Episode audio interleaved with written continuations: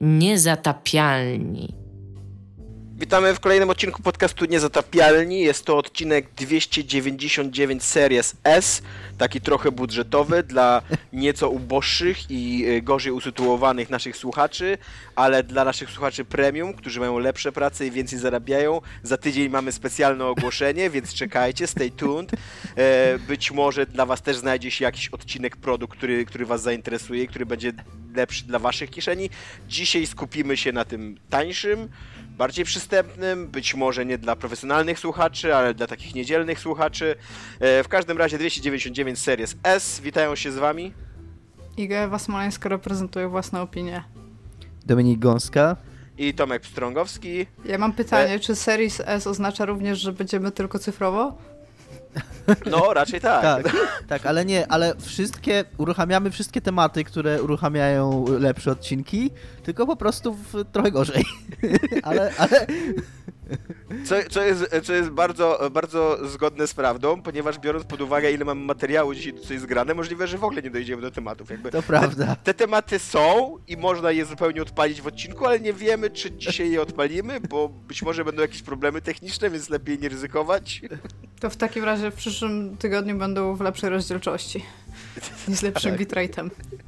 Tak, i to, to jest prawda, co mówi Tomek. Ja mam po prostu taki reczkowy weekend, że gram jak szalony.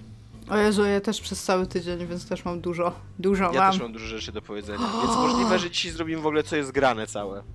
Bonanza. Zobaczymy, zobaczymy co z tego wyjdzie. Czy zaczynamy od e, MC Pompernikla, czy MC Pompernikl zostaje na później?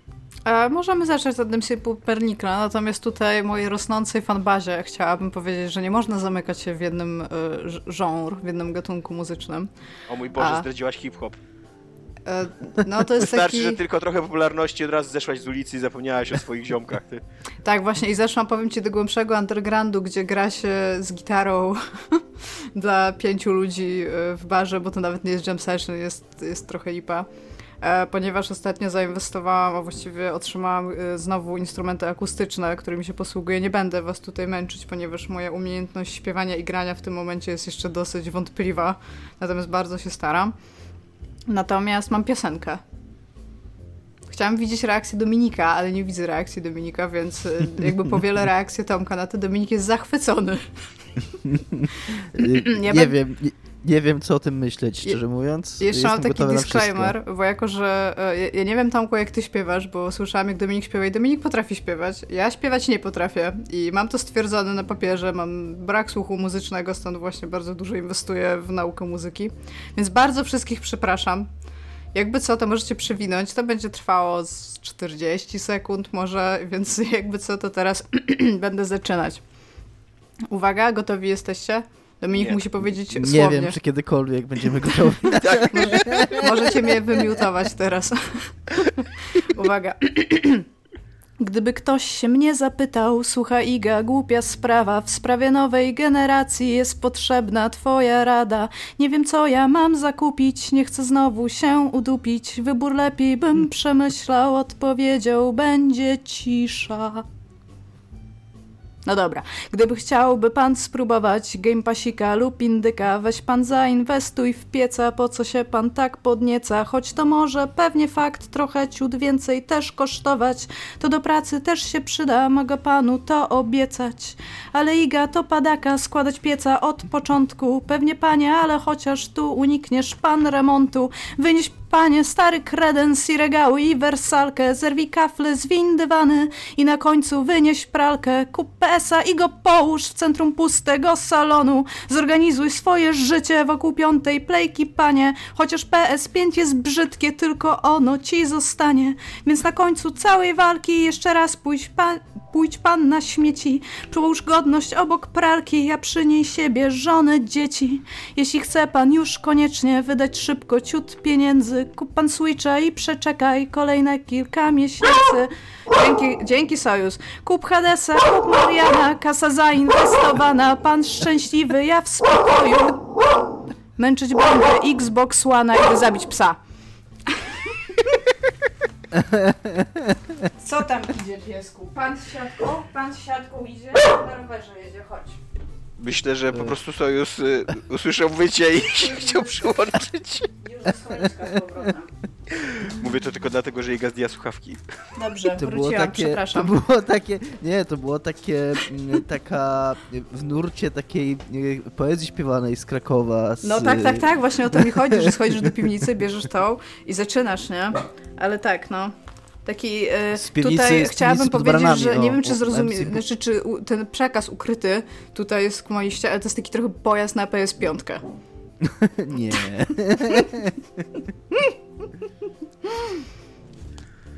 A, dziękuję. No Przepraszam. dobrze, Iga. Przepraszam. Cieszymy się, że się realizujesz. Tak. że się, roz, że się, że się Że poszukujesz swojej ścieżki, na pewno kiedyś ją znajdziesz. To nie będzie dzisiaj, to być może nie będzie Tak. jutro. Nie, nie przerywaj poszukiwań, tak powiem.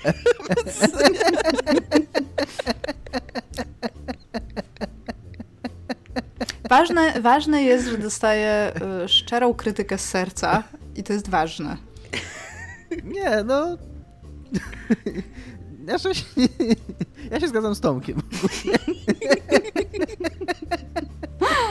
Dobrze.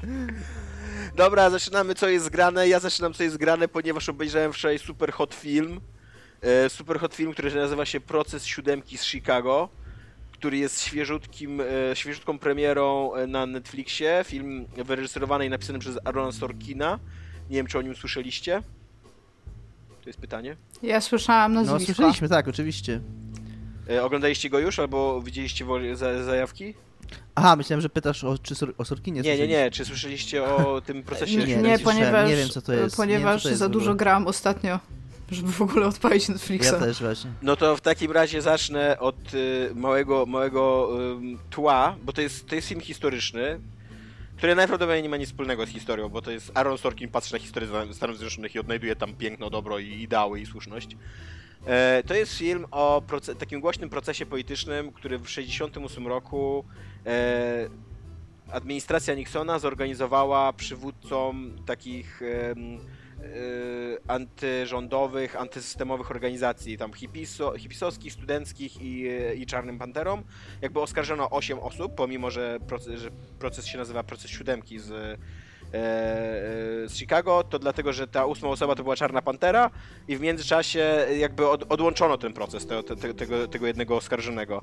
E, Ale ja to nie będę- była literalnie Czarna Pantera, to był Nie, osoba nie. z tej grupy, która Tak, była tak. przedstawicielem, tak? No tak, ale oni się na, o sobie Nie, mówili nie. pantery, że jesteśmy To, była- panterami. to była to- Pantera. To była, Tak, była- ale to był proces siódemki do tego, że ósma osoba była Czarną Panterą. Trudno Nie, nazwać ją osobą. Nie, więc, więc była tak, była osobą, która identyfikowała się jako czarna pantera. e, e, no i jakby cały e, te, proces dotyczył zamieszek, które wybuchły w Chicago w trakcie konwencji demokratycznej. Te, wszystkie lewicowe organizacje antywojenne i e, były zdegustowane tym, że demokraci chcą wybrać e, kolejnego pro, prowojennego kandydata, jakby e, popierającego wojnę w Wietnamie i pojechali do Chicago, żeby wywierać nacisk na demokratów, żeby wybrali normalnego kandydata, takiego antywojennego, żeby oni mogli jakby na niego zagłosować, jakby żeby, żeby Chciałem, tak? Chciałem powiedzieć, że jak na razie to elevator pitch tego filmu po prostu jestem na krawędzi mojego, jestem na krawędzi mojego siedzenia i czekam, co się wydarzy dalej. Nie?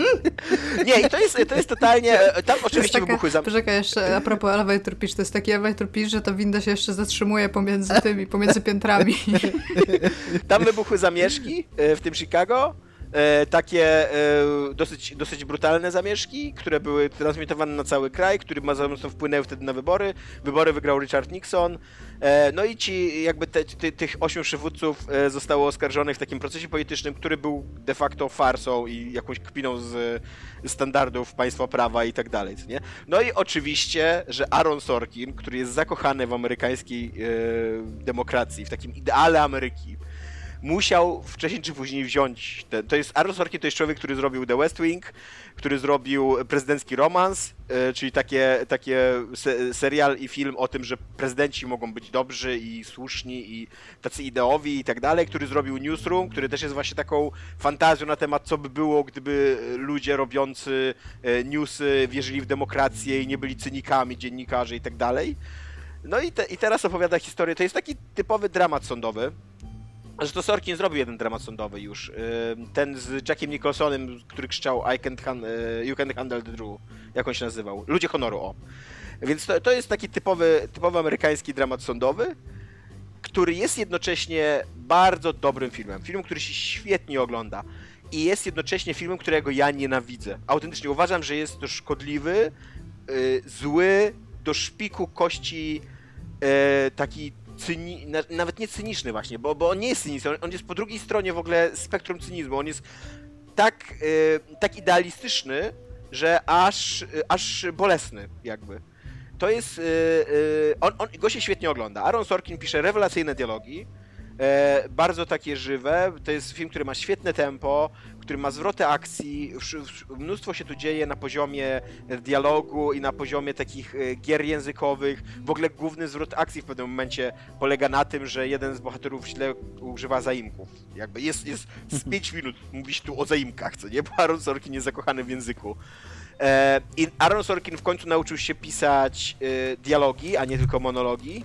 Więc to nie jest tak e, jak poprzednie filmy i seriale Sorkina, że, że jedna postać mówi 5 minut mądre rzeczy, a później druga postać mu przez 5 minut odpowiada równie mądro. Tylko tu są autentycznie takie wartkie e, wymiany zdań, które przypominają rozmowy normalnych ludzi, tylko oczywiście skrajnie inteligentnych. Ale przy tym to jest film, który, e, który przedstawia tak wyidealizowaną wizję Ameryki. E, To jest taki film, który moglibyście wyciągnąć z takiego e, najbardziej naiwnego Spielberga i najbardziej e, e, tak lat 80. I, popro- i on nadal był jakby w cieniu tego, co zrobił Sorkin, co nie? To jest film, który z jednej strony pokazuje e, takich idealistów, e, siedmiu idealistów, którzy którzy są tam, protestują przeciwko całej machinie wojennej, jakby Stanów Zjednoczonych, którzy stają naprzeciwko policji brutalnej, którzy są sądzeni przez nieuczciwy sąd, nie? Ale z drugiej strony to jest film, który całą, całą swoją piękną, niewinnym sercem wierzy w to, że istnieje jakaś idea Ameryki, która się w- według mojej wiedzy nigdy w historii nie urzeczywistniła i y, nie, nie zapowiada się teraz, jak się patrzy politycznie na Amerykę, żeby ona się kiedykolwiek urzeczywistniła, ale że istnieje ta idea Ameryki, która jest piękna, dobra, czysta i sprawiedliwa. I tam nawet hipisi mówią, hipisi to jest antysystemowi, to jest radykalni, którzy uważają, że trzeba dążyć do konfrontacji i tak dalej? Tam nawet oni mówią, że oni wierzą w instytucje demokratyczne, tylko akurat teraz za Nixona te instytucje demokratyczne są rządzone przez nikczemnych ludzi, więc jakby system jest dobry, to ludzie są źli, co nie? I, e, i to jest po prostu taki populistyczny, kłamliwy banał, że ja go oglądałem z taką rosnącą gulą, co nie? Tak po prostu nie, nie mogłem uwierzyć, bo e, tam, tam jednocześnie e, te, te zamieszki wybuchły po tym, jak jeden z tych bohaterów przez przypadek do nich nawoływał jakby. Trochę właśnie przez to, że nie, nie przez to, że źle używa zaimków, jakby nawoływał do nich, co nie? I, I jakby broniąc się przed tymi zarzutami, e, jeden z bohaterów mówi, że najważniejszy jest kontekst, nie? I ten film jest totalnie wyjęty z kontekstu, jakby, nie? Ten film, e, on się kończy takim oczywiście cudownym hollywoodzkim finałem, w którym e, ci Śpiewają? dobrzy... Ma- co? Śpiewają? klaszczą. Wyobraź sobie, że autentycznie kończy się tak, że, że jeden, jeden z oskarżonych wygłasza przemowę i, i cały sąd mu klaszcze. Oni oczywiście tam e, jakby spotkały ich jakieś, jakieś konsekwencje, ale nawet ten prokurator zły, który jakby został wysłany, żeby ich skazać, nawet on w pewnym momencie wstaje jakby na baczność, żeby, żeby docenić ich, ich ducha, ich siłę, ich idealizm i tą, i tą właśnie tą taką idealną Amerykę, która kurwa nigdy nie istniała i nigdy nie zaistnieje, co nie? I, a jednocześnie to jest film, który zupełnie zapomniał, że ci ludzie ponieśli klęskę na każdym froncie. Historycznie, jakby ja cenię to, co, co, co, to, co historycznie ci ludzie robili, co nie? Uważam, że ta radykalna lewica lat 60., ona miała mnóstwo bardzo szczytnych ideałów i jakby nie jest do końca jej winą, że ona przegrała, ale historycznie nie da się nie, da się nie zauważyć tego, że oni przegrali. Jakby y, oni, y, Richard Nixon, po tym jak, jak ten proces się zakończył, został wybrany na drugą kadencję. To nie jest tak, że oni y, jakoś y, odkryli przed narodem amerykańskim cynizm tej administracji, że tutaj, że tutaj właśnie ludzie zaczęli klaskać i nagle okej, już nie będziemy głosować na złych ludzi. Nie, Nixon wygrał drugą kadencję, on zrezygnował z zupełnie innych powodów, jakby nie dlatego, że ludzie go nie popierali, co nie? On miał, Nixon miał gigantyczne poparcie społeczne w momencie, kiedy rezygnował, co nie? E, e, wojna w Wietnamie trwała jeszcze, kurde, 6 lat i zginęło w niej 2 miliony ludzi. E, jeden, s- ci hipisi dwaj, radykalnie tacy pokazywani jako tacy najwięksi właśnie e, idealiści, nie? Jeden z nich został maklerem giełdowym do cholery, a drugi popełnił samobójstwo. Więc autentycznie ciężko uznać, że oni odnieśli jakieś e, hipisowskie zwycięstwo życiowe, nie? Jakby... I, I ten film w ogóle o tym nie mówi. A do tego jeszcze tam jest ten wątek tej czarnej pantery, co nie? I raz jeszcze. Jakby Jeszcze raz, jeden- to jest członek, gang, znaczy Tak, członek grupy, tak. a nie literalnie Czarna Pantera.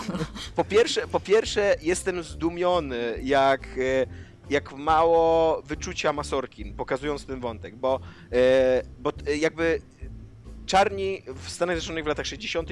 i 70. mieli o wiele gorzej niż dzisiaj, a nawet dzisiaj mają źle, co nie?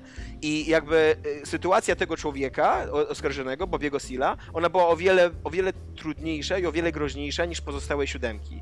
E, oni ci, ta pozostała siódemka, czyli tam biali, ładni faceci z dobrych rodzin zazwyczaj i tak dalej, oni tam, no groziła im jakaś symboliczna odsiadka e, i tak jest nawet taki dialog, że tak naprawdę cały ten ich bunt to jest bunt przeciwko ich ojcom. To nie, to nie jest tak, że oni walczą o życie, co nie? A czarni w latach 60. autentycznie walczyli o życie. E, przyjaciel tego Bobiego Sila, taki inny przywódca Cz- Czarnych Panter, został w trakcie tego procesu zamordowany przez policję. I autentycznie dzisiaj się uważa, że to była taka egzekucja policyjna zwykła. co Nie, że to nie jest tak, że on się, że, że on się bronił i oni go zastrzelili w jakieś strzelinie, tylko po prostu, że go za, za, rozstrzelano, że się tak wyrażę, co nie? Nie, bardziej A- śmieję z tego, że to jest taka zwykła e, policyjna e, egzekucja, nie, nie taka wyszukana. I, e, a, a tutaj jakby i, i ten, ten, ten, e, te, te, ten Bobby Seale też w trakcie tego procesu był najgorzej traktowany ze- przez nie, nie, miał, nie miał reprezentacji prawnej i w pewnym momencie, tutaj nie będę spoilował, bo to jest taki fakt z historii Stanów Zjednoczonych, o którym ja wiedziałem wcześniej, ale e, podejrzewam, że nie wszyscy wiedzą i Iwona jak to zobaczyła, to się popłakała, więc nie będę mówił, co tam się dzieje, ale w pewnym, czasie, w, w, w pewnym momencie w trakcie tego procesu dzieją się naprawdę okropne rzeczy temu, temu człowiekowi, co nie? I na tyle okropne, że właśnie, że w konsekwencji ten jego proces zostaje odłączony i, i kurde, film prawie zupełnie o tym zapomina, co nie? Jakby, ja mam takie pytanie do tego, jakby, jak Sorkinie, jak ty wybierasz tematykę, jakby, jak masz do wyboru siedmiu białych chłopców i tego jednego czarnego człowieka, który autentycznie jakby naj, był najbardziej poszkodowaną osobą tego całego procesu, nie? Dlaczego to on jest wątkiem pobocznym? Kurde, co nie? Jak, co, co ty miałeś w głowie, kurde? I e, to jest taki film e, Hillary Clinton, jak kandydowała na prezydentkę Stanów Zjednoczonych w 2016 roku. Ona powiedziała taki banał, taki wyborczy banał, który, który w ogóle za mną łazi od 4 lat, że Ameryka jest wielka, bo Ameryka jest dobra. I to jest taki, e, to jest taki, e, jak się nazywa, jak powtarzasz własną myśl, jak masło maślane masz? Pleonazm? Y, Pleonazm, tak. To jest taki, tak, tak, to jest pleonazm? Nie, to chodzi ci chyba o... Pleonazm to jest masło O tautologię, maślane. o tautologię mi chodzi. Dominik ma rację i go przegrała. No, masło maślane to jest literally pleonazm. A mi chodziło o tautologię, Dominik A ja- nie Przepraszam, lepiej. przepraszam, że Tak, nie tam czytam mi chodziło o coś mózgu. innego, to było podchwytliwe pytanie, trzeba było znać Tomkę, żeby na nie No odpowiedzieć. właśnie, no właśnie, Domek, much love dla ciebie. Ej, I to jest taka tautologia, która za mną chodzi, bo ona doskonale opisuje to, jak Amerykanie, w, e, w jakie Amerykanie wierzą w wielkie kłamstwo o samym sobie, że oni są jakoś przyrodzenie dobrzy i że z tego, z tego przyrodzonego amerykańskiego dobra, z tej wielkiej, dobrej idei Stanów Zjednoczonych wynika ich historyczna, militarna, y, kulturowa wielkość. I to jest tak wielkie kłamstwo, że uważam, że y, jakby robienie takiego populistycznego filmu, który autentycznie się świetnie wchodzi, rewelacyjnie on wchodzi, co nie? To, to, to jest, to, to co robi Sorkin, to jest autentycznie szkodliwe dla mnie. Uważam, że to Czy jest... to jest... Czy, bo ja, im dłużej słucham o tym, co mówisz, czy ty nazwałbyś ten film propagandowym? Tak, totalnie. Tylko to jest propaganda, która powinna mi robić dobrze, ale ona jest, ona jest tak wulgarna, że ja nie potrafię wyłączyć krytycznego myślenia, jak go oglądam po prostu, co nie? Bo to jest, to jest to, to, ale to, to jest totalnie propaganda, na maksa propaganda. Taka właśnie propaganda, e, mówią, taka wiesz, taka e, puszczająca ci oko, taka, że wiemy, że Ameryka ma swoje problemy, ale Amery- jakby oddziel tą ideę Ameryki od prawdziwej Ameryki. Jakby w ogóle istniała kiedyś idealna Ameryka, jakby istniał inny świat, w którym ym, konstytucja się ziściła, została odczytana dosłownie i ludzie zaczęli żyć według... Znaczy, no, może to nie byłoby idealne państwo, ponieważ w konstytucji była mowa o niewolnictwie, ale poza tym, jakby, co nie, poza, poza tymi różnymi dziwnymi, mrocznymi sprawkami, jakby... Nie, w życiu nigdy nie istniało takie państwo. I, I to, co się stało w trakcie tego procesu, właśnie to, jak ten proces wyglądał e, i to, jak ci ludzie skończyli, e, jako, jako właśnie ponieśli klęskę taką propagandowo-polityczną i życiową też, co nie? No bo nie wiem, wydaje mi się, że dla hipisa, dla radykalnego hipisa zostanie później maklerem giełdowym to jest jednak jakiś, jakaś porażka życiowa, miara jakiejś porażki życiowej, co nie?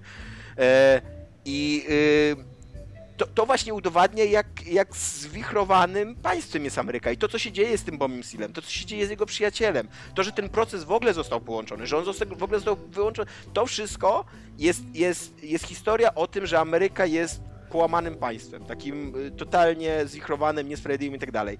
I robienie z tego historii o tym, że istnieje jakaś idealna Ameryka, do której powinniśmy dążyć, tak, to, to jest w ogóle dla mnie, no nie wiem, no taki wyższej wody skurwysyństwo takie. Takie skurwysyństwo w dobrej sprawie. Na, na, na, na tak. skurwysyństwo w dobrej sprawie, bo mówię, bo to, bo, e, ale, ale nadal skurwysyństwo, co nie? Bo, bo, bo ten film tak bardzo manipuluje widzami i ich uczuciami i, i tym, jak jest odbierany, jakby ty, takim odbiorem. On, on jest tak dobrze skonstruowany, tak dobrze te wszystkie schematy hollywoodzkie wykorzystuje, tą całą konwencję dramatu sądowego. Jest tak dobrze napisany, bo Sorkin, kurde, pisze zajebiste dialogi, co nie? I, i, i gada takie bzdury, że ja pierdzielę, co nie? Jakby aż się we mnie gotuje. nie wiem, czy słyszycie Właśnie, moje mi, emocje. mi jest na przykład przykro z tego, co mówisz. Wiesz, wiesz, czy mi się teraz o czym pomyślałem, jak słuchałem, yy, skojarzyło mi się z innym filmem niedawnym, yy, bardzo mm, generalnie dobrze przyjętym, który mi się podobał i nie, nie wkurwiał mnie, ale podobnie trochę się o nim mówiło, czyli Green Book. Mhm, Czyli film, tak. który mówi o poważnym problemie, ale w taki sposób, że koniec końców tego oglądasz i, myślisz sobie, że w sumie Tak. tego problemu nie ma. Tak, Że w, dokładnie. sumie to, że w sumie to jest dobrze. Tak, dokładnie, dokładnie. I, I właśnie Green Book ma dokładnie ten sam problem, moim zdaniem. To jest świetnie skonstruowany, skrojony taki z schematów narracyjnych hollywoodzki film, z ładnie wybrzmiewającym finałem, e, super aktorstwem, fajnymi Tak. dialogami i tak dalej. I że, że jakby bardzo łatwo dać się ponieść historii. Zapomnieć, wyłączyć krytyczne myślenie, co nie jakby nie, nie- dostrzegać, że ej, kurde, co nie, ale ta historia jest o czymś zupełnie innym, jakby to, co się wydarzyło naprawdę, bo Green Book w ogóle ten notabene też jest oparty na prawdziwej historii, nie? To, co się wydarzyło naprawdę, było mroczne, szkodliwe i przerażające. To nie była heartwarming story, co nie? To, co się wydarzyło, kurde. Tylko tam na każdym etapie cierpieli ludzie. I ten czarny człowiek, o którym w połowie filmu zapominacie, on cierpiał najbardziej. I zro- zresztą w Green, w Green Book też jest taka scena, ja już chyba o niej mówiłem na antenie, ale tam jest taka scena jak, e, bo ten czarnoskóry jest jednocześnie gejem i on zostaje złapany przez e, policję w saunie na, na, na, na, na s- romansie takim z e, przypadkowym, co nie? I jakby policja wzywa tego, mm, tego jego o, kierowcę, który jest, który nie dość, że jest białym rasistą, znaczy taki, no, no nie jest rasistą, jest takim przyjaznym rasistą, ale jest, y, nadal jest rasistą. No tak, no bo on, on tam przechodzi taką, on jest takim mild rasistą i przechodzi przemianę, co nie? E, ale, ale jest rasistą jednak, a do tego jest wybitnie jakby niżej stoi intelektualnie niż ten czarny, co nie? I jak masz, i on, on przychodzi, rozmawia z tą policją i tam tłumaczy, że mówi, no wypuśćcie go, tam wiecie, te referę, coś tam, chyba jakieś pieniądze im wręcz już nie pamiętam dokładnie tej sceny, co nie? I to jest totalnie scena przedstawiona z perspektywy tego białego człowieka, co nie? Jakby jakim cudem reżyser zdecydował, że w tej scenie to jest ważniejsza perspektywa niż tego poniżonego, czarnego, homoseksualnego mężczyzny, który musi być ratowany przez swojego rasistowskiego kierowcę głupszego niż on. I leży na podłodze, poniżony, i, i, ale, o, ale scenę oglądamy, kurde, z tej drugiej perspektywy, co nie? Jak, No bo jak przychodzi być dobry, biały, y, heteroseksualny mężczyzna, który być może trochę jest rasistą, czy to jest ważne w tej scenie, i przychodzi i go ratuje, Tomek, on go ratuje. Ja, ja się czuję w ogóle mm, coraz gorzej jako w ogóle członek rasy ludzkiej. I tu jest tak samo, tu, tu, tu jest tak samo, jakby je, tam się dzieje w pewnym momencie naprawdę mm, straszne rzeczy temu Bobiemu Silemu. Takie, takie że nie, nie jesteś w stanie, to się wydarzyło naprawdę historycznie, bo już o tym czytałem dużo wcześniej.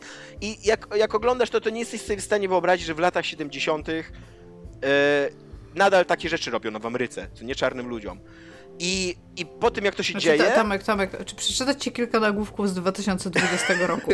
Bo A już w ogóle nie, nie, nie, nie, nie, zaczynaj z tym, że to jest film jeszcze odbierany we współczesnym... że on wychodzi w 2020 roku. no, tak, właśnie to jest moja pierwsza myśl, w ogóle pokazujesz coś takiego w trakcie, teraz jest przecież y, głosowanie, nie? W sensie jest reelekcja. Tak. I słuchajcie, Jeszcze dzieje się to, co się dzieje, Bobiemu No. Silowi, nie? Dzieje się to, co się dzieje i następuje cięcie.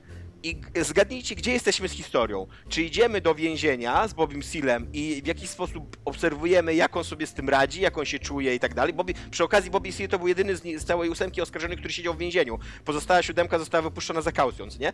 Czy idziemy do pokoju z tymi siedmioma białymi chłopcami i ich adwokatami i patrzymy, jak oni się tym przyjęli, bo oni są tacy wrażliwi. Jak myślicie, co robi kamera w tym momencie? Chcę powiedzieć, że idziemy do więzienia, ale chyba się mylę, co?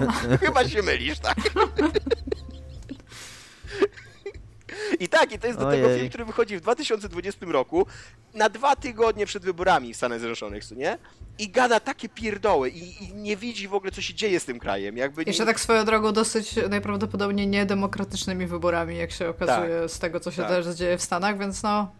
Bo, bo niestety, moim zdaniem, jakby to przekonanie, że Ameryka jest dobra, bo Ameryka jest wielka, to jest niestety y, rewers Na odwrót chyba, na odwrót chyba, Ameryka jest jest, wielka bo nie, tak, Ameryka jest wielka, bo Ameryka jest dobra. To jest, to jest rewers przekonania, że Ameryka, y, takiego Make America Great Again, takiego America First y, mm, e, Mm. Donalda Trumpa. To, jest, to, jest, to wynika z tej samej filozofii takiej, takiej, e, takiej wyjątkowości Ameryki, takiej unikalności Ameryki w skali świata. Że my jesteśmy, i tylko, że y, prawica, skrajna prawica i taka idealistyczna lewica jakby inaczej, inaczej do tego podchodzą, ale to jest dokładnie ten sam tok myślenia, nie? Że my jesteśmy wyjątkowi, więc możemy więcej, jak mówi skrajna prawica, albo więc jesteśmy tacy czyści i powinniśmy dążyć do tej czystości, jak mówi lewica, nie? Jedyne, co Znaczy jest oni-. No. Oni są trochę wyjątkowi, nie? Są dosyć wyjątkowi pod względem napadów z bronią w ręku, morderstw z bronią, e, bardzo dużego bronienia dostępu do edukacji pomimo Znaczy, faktu bogactwa narodu. Ja, ja, też, ja też nie chcę, wiesz, tutaj jakoś demonizować Ameryki. Uważam, że każdy kraj ma problemy, co nie? Ale jakby chyba żaden inny kraj nie ma aż tak y, takiej siły kulturalnej w krzewieniu kłamstwa na temat tego, że każdy kraj ma swoje problemy, ale Ameryka y, ma jakąś y, swoją, swoje id- idealne alter ego, które kiedyś się ziści, być może, o ile będziemy wystarczająco mieli czyste serca i będziemy dążyć do ideałów, które y, sobie wyznaczamy.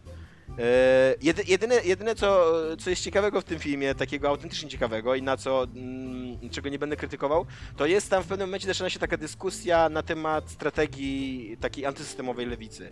Czy to powinna być strategia e, umiarkowana, umiarkowanych małych kroków, takiego dążenia do zmian na drodze politycznej e, i nie, nie, nie, nie, z, nie z ochydzania, nie, nie, nie, nie zniechęcania do siebie e, takich normalnych wyborców środka jakby, czy to jest strategia właśnie taka radykalna, jak hippiesi przyjęli tą strategię, e, takiego ciągłego naporu, że nawet jeżeli ona wzburza więcej negatywnych emocji, nawet jeżeli w krótkim, w krótkim, e, w krótkim terminie jakby przynosi korzy- szkody, co nie? No bo na przykład e, jeszcze, jeszcze jedno w ogóle, no, nawet jeżeli w krótkim terminie przynosi szkody, to w długim terminie jakby po prostu przesuwa dyskurs na lewo.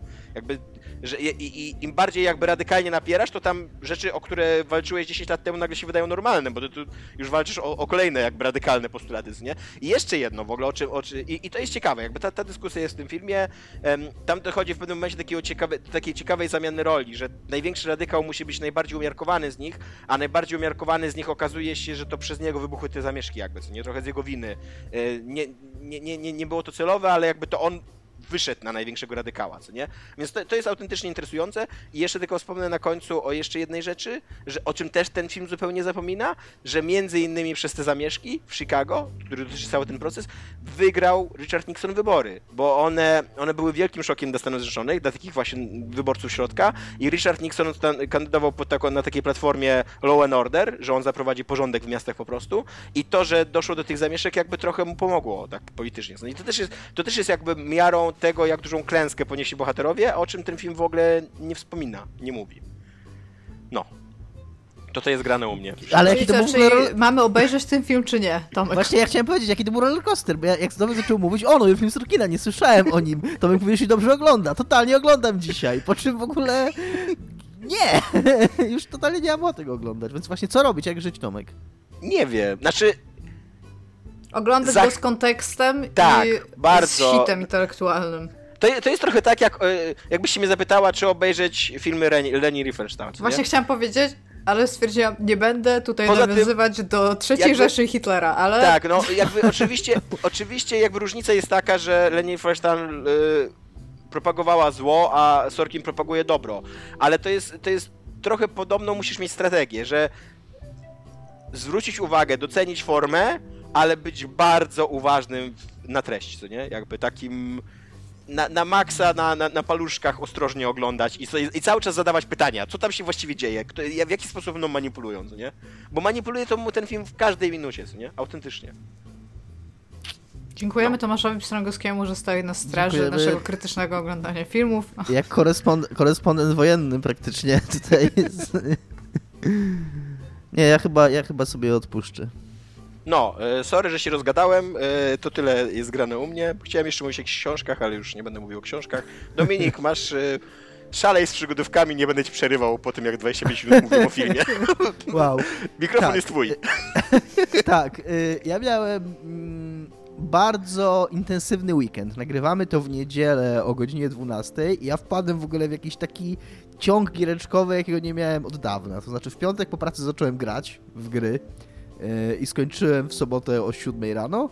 Po czym wstałem o 12 i grałem do, w niedzielę dziś, do dzisiaj, do 5 nad ranem, kiedy już. Yy, no, no, chciałem siedzieć dłużej, ale już po prostu zasypiałem, więc poszedłem spać. I grałem głównie. m, Początek tej mojej weekendowej przygody był taki, że stwierdziłem, dobra, klub przygodówek Point and Click otwieramy. Domek lubi przygodówki, jak Iga powiedziała, tam nie fifunia, nie ścigówki, więc, więc zacząłem grać yy, w Broken Sworda 5, które którego ja w ogóle, pokazuje mi Steam, mam włożone 40 godzin w tą grę. A mam w nią włożone 40 godzin dlatego, że ona wyszła jakieś 5 lat temu w, y, po Kickstarterze, ona wyszła tak samo jak Broken Age, czyli wyszła jej pierwsza część. E, I jak wtedy jak wyszła pierwsza ją przeszedłem. Ja lubiłem grę, lubiłem jedynkę i dwójkę. E, Później jej nigdy nie wyłączyłeś, aż druga część wyszła. I później, e, jak, jak skończyła się, jak, jak skończyłem tę pierwszą część, to tam nie wiem, rok później czy półtora roku później wyszła druga, no ale już nic nie pamiętałem, więc e, zacząłem grać od początku i tak ze trzy razy grałem od początku i się nudziłem gdzieś w trakcie i nigdy nie doszedłem do tej drugiej części, a, a później jak, jak jakby, nie, bo można wybrać opcję oczywiście, żeby zacząć od drugiej części, ale za każdym razem zapominałem to, bo to jest taka tam e, stereotypowa fabułka, e, typu, że tam to ci wlata, tam wylata, więc no, po, po dwóch miesiącach już nie, już nie pamiętałem, co tam się dzieje w tej grze. E, no i w końcu udało mi się skończyć teraz. Także usiadłem w piątek i zrobiłem, e, zrobiłem obie części. I to jest totalnie, jakby, totalnie taka gra, jakiej szukałem. Znaczy, to jest tak stereotypowa, tak klasyczna do bólu przygodówka Point Click ze wszystkimi idiotyzmami tego gatunku i ze wszystkimi głupotkami tego gatunku i tak jak wam pisałem, z zagadkami w stylu tam przyklej na taśmę klejącą kiełbasę do kozy, żeby udawała dynamit, nie? I później tą kozę kieruj na bandytów, żeby ich przestraszyła, że to że ma dynamit przyczepiony, nie? I tam tego typu zagadki tam są, ale Yy, podobnie jak Broken Age, w drugiej części się robi naprawdę ciekawa. Znaczy, w pierwszej części jest yy, raczej prosta i, i raczej tam dwa czy trzy razy może się na dłużej zaciąłem. Yy, a w drugiej części pojawiają się naprawdę fajne zagadki, bo poza takim manipulowaniem ekwipunkiem standardowym jak w przygodówkach, są takie fajne zagadki, yy, no takie, takie jakby sam, takie self-contained, jak to powiedzieć, no takie zawierające się same w sobie. Czyli na przykład, że mm, szyfr przestawny, to się mówi, czy przestaw... Że, że, no, żebyś tam masz yy, takim prostym szyfrem, że tam jedna litera odpowiada innej literze. To się wiadomo, nazywa kod Cezara. Ale to się też jakoś przestaw... No tak, w każ- czy, tak, tak, tak, to jest przestawne, Czy to jest ale od tego Cezara? E, Wydaje mi się, że tak, w sensie, że to jest jeden z najprostszych takich historycznych szyfrów, jeżeli zajmujesz tak. się tamtym, no to po prostu masz jakiś klucz, czyli na przykład o 3, czyli każdą literkę w zdaniu przesuwasz w alfabecie o 3 plus albo o 3 minus. No to nie, to raczej chodziło o to, tam chodziło po prostu, że po prostu każda litera odpowiada innej literze, nie? Nazwa że- szyfru pochodzi od Juliusza Cezara, który prawdopodobnie używał tej techniki do komunikacji z przyjaciółmi. Tak. No, Jego więc- przyjaciele go uwielbiali. No więc na przykład dostajesz taką wiadomość i musisz ją rozszyfrować i to jest, jest, jest tam taki fajny interfejs do tego, że jak naciśniesz powiedzmy, że To byli A ludzie, od- którzy nie wbyli bicie noża w plecy, Tomek. że A, że A odpowiada tam B i wtedy jak naciśniesz A, B, to wtedy tam ci podmienia w tym tekście te wszystkie literki. To, to szybko idzie, to, to takie fan to jest, tylko że przy okazji nie działa w polskiej wersji językowej. Musiałem tam przyłączyć język za, z polskiego na angielski, bo polskich, znak, polskich znaków nie ma. Znaczy są jakieś tam, w wiadomości jest jakieś tam ły, si, ci, zi, a w tym szyfrze masz tam znak zapytania, znak zapytania, znak zapytania, znak zapytania, nie? I tam kurde rozszyfrow, rozszyfrowuj sobie teraz, kurde. I, i, muś, i przez chwilę próbowałem, żeby, okej, teraz znak zapytania to jest ły, a teraz znak zapytania to jest zi, a... Ale czy te znaki zapytania się różnią od siebie w ogóle? Nie, one są identyczne właśnie. więc, więc mm, mogłem tylko jakby na przykład, jak na przykład wciskasz, że ten, znak- ten znak zapytania to ma być tam zamiast B w wiadomości, no to widzisz jak wszystkie B w wiadomości, Mhm. jakby nad nim się pojawia ten znak zapytania, więc tak próbowałem jakoś to rozkminiać, ale przyłączyłem na angielski w końcu. Jest też na przykład fajna zagadka z rozszyfrowaniem języka takiego starożytnego, oczywiście wymyślonego na potrzeby gry, ale że masz tam różne symbole, mm, zestaw symboli, które masz przetłumaczone i wiadomość napisaną w tym języku, ale z użyciem innych symboli. I musisz jakby na podstawie tych symboli, które znasz, wykoncypować jak ten język, mm, jaka jest jego logika. I na tej podstawie wykminić, jaka jest ta wiadomość napisana tymi innymi symbolami, co, co ona oznacza. Fajne to jest i jakby, jakby fajnie się bawiłem, jakkolwiek jakkolwiek y, głupia jest strasznie ta gra. Tak i fabularnie. Fabularnie i jest głupia? Fabularnie też jest głupie. Fabularnie to jest taki. mm, To jest taki Dan Brown na maksa.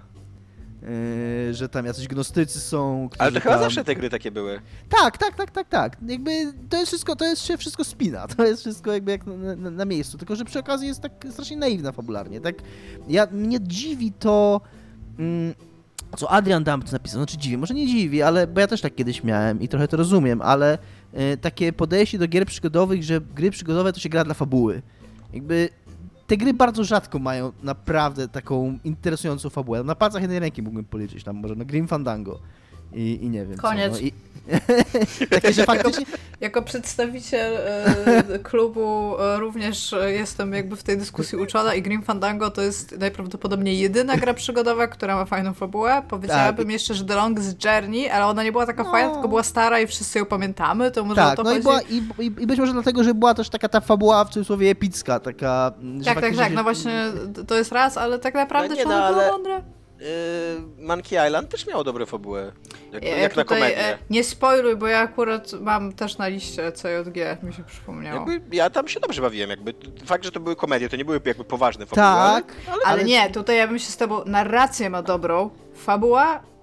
znaczy nawet możemy Typ tam chce Monkey zostać Island- fantastycznie Wiesz co, dobrym Nawet piratem. możemy to Monkey Island tam włożyć do tego wora, ale nadal uważam, że bardzo niewiele gier przygodowych się broni jako, y, jako taka po prostu, że gram w to, żeby odkryć, co się wydarzy. A, a nie, żeby się bawić zagadkami i żeby jakoś sam sobie stymulować zwoje mózgowe i się cieszyć, że coś... Jeszcze jest I have no mouth uh, and I must scream, ale to jest na podstawie opowiadania, w sensie Opowiadania. literatury, Tak, więc tak. ja bym tego nie zaliczyła jako dobrej fabuły gry, szczególnie, że ona akurat jest dużo gorsza niż to, co jest napisane w, w literaturze, więc... I no, więc y, jakby ta fabuła jest taka se tak naprawdę, no ale mówię, ma fajne zagadki i jakby dobrze się bawiłem, no i i tak y, autentycznie miałem takie momenty, ja jak też już mówiłem wielokrotnie, ja lubię ten moment w przygodówkach, kiedy zaczynam się wkurzać na niej, kiedy już po prostu mam takie, że wolę głową w mur i już, już myślę o tym, żeby zaraz y, y, jakoś się y, oszukać. W ogóle ktoś napisał bardzo fajnie o tej grze, bo ona ma system wskazówek, hint system, taki, że możesz sobie po prostu na- nacisnąć u góry ekranu, że daj mi wskazówkę i tam będzie ci coraz mm, dokładniejsze wskazówki podawać, ale że można w ogóle wyłączyć tą ikonkę, żeby jej nie było dla tych, których sam fakt jej istnienia obraża. I ja, ja właśnie jestem takim, takim graczem, że sam fakt istnienia tej ikonki mnie obraża, więc wyłączyłem. Więc bardzo cenię to, że można w opcjach wyłączyć, żeby. Nawet nie wiesz, bo nie, nie trzeba w nią klikać, nie? ale że można w ogóle wyłączyć, żeby jej nie było. Yy, bo. No bo jakby trzeba to przejść. To, to, to jakby dopóki cię gra tak nie styra, yy, że, że, już, że już zaczynasz wkurzać, ale w końcu wpadasz na to rozwiązanie, albo idziesz do sklepu. Ty jesteś sklepu. takim prawdziwym w ogóle przygodówkowym snowflake'iem. Ta ikona mnie obraża. Triggered. No, I miałem. Nie, bo uważam też, że gry. Nie, ja mam, ja mam e, uzasadnienie, nawet takie. Mm, wydaje mi się trzymające się kupy i logiczne, dlaczego nie lubię systemów wskazówek w przygodówkach, bo one rozleniwiają twórców. Bo dobrze zaprojektowana gra przygodowa powinna zawierać wskazówki sama w sobie, powinna naprowadzać gracza przez dialogi, przez kontekst, przez e, e, jakby gracz powinien dostawać 100% informacji od gry, a nie z jakiegoś zewnętrznego systemu, który po prostu klika i, i, mu, i mu mówi, co ma robić. Jakby to powinno być jasne, co mam zrobić i powinienem mieć tyle informacji od gry, ile mi potrzeba i, i ile twórca uważa, że wystarczy, żeby tę zagadkę rozwiązać. A Dominik jeżeli... do dzisiaj nie może przeżyć, że Ace Ventura wyszedł z zagadką wydrukowaną, znaczy z odpowiedzią na zagadkę wydrukowaną na e, opakowaniu nie, od gry nie, nie oryginalnej. pamiętam tego, nie pamiętam tego, nie, nie. To była taka zagadka z totemem, który nie miał Tak. zupełnie sensu i musiałeś go centralnie z oryginalnego opakowania gry z Wow. tyłu to było był takie screenshot. zabezpieczenie przed piractwem. niby. Antypirackie, wow. Tak. E, I, e, e, i, I uważam, że twórcy, którzy umieszczają w swoich przygodówkach wskazówki, jakby czują się troszkę zwolnieni z obowiązku dobrego projektowania zagadek, bo myślą sobie, a jak ta zagadka będzie za trudna, albo mm, źle zbala- zbalansowana, albo źle pomyślana, to sobie najwyżej grać kliknie hinta i sobie ją przejdzie i jakby, no, jakby uważam, że tak jest. I, I dlatego jakby nie zgadzam się na system hintów. I, i uważam, że Brock, ten Broken Sword ma kilka takich zagadek dyskusyjnych, powiedziałbym. Ale, ale wciąż, y, nawet jak y, mm, walę głową w mur i nawet jak Kuna jakimś metodą prób i błędów coś w końcu rozwiąże, to i tak jest, się lepiej z tym czuję, niż gdybym użył hinta. I potem jakby byłem tak, tak się dobrze bawiłem z tą grą, że wyruszyłem na żer, tak jak y, pisałem na grupie, że będę szukał przygodówek. I kurde, nie znalazłem drugiej przygodówki, która by, mnie, która by mi tak wyszła. Próbowałem grać trochę w Roki, Ro- Roki, y, grę... Przez umlaut. To Tak, to Dominik, jest Dominik Rocky, interpretujący ale- o umlaut. O, ma oczy u góry. Tak, Rookie. to jakoś tak będzie. E, Dostałem ją od słuchacza, nie pamiętam niestety jak się nazywa e, i bardzo dziękuję za tą grę, bo jest to urocza gra e, bazująca na jakimś skandynawskim folklorze, dziejąca się gdzieś w, no nie, nie pamiętam w jakim kraju, ale gdzieś tam w Skandynawii. Ale to dziejące się w, naszej, w naszym świecie jakby? No, tak- Ona się zaczyna w naszym świecie, a później trafiasz do jakiegoś takiego bajkowego świata, gdzie okazuje się, że te wszystkie stwory z ich folkloru istnieją naprawdę. Pewnie w Norwegii. Możliwe, możliwe, że to jest Norwegia. Y, I, e, I to jest gra, która jest przede wszystkim przepiękna. Ona jest, to jest jakiś taki miks 2D i 3D. To jest taki wygląd, który trochę wygląda, to jest chyba 3D, ale wygląda jak wszystko jakby było rysowane, jakby to był taki jakiś w ogóle, e, nie wiem, e, no, malunek kolejny czy coś takiego. Obraz, o to jest słowo, którego mi brakowało, malunek.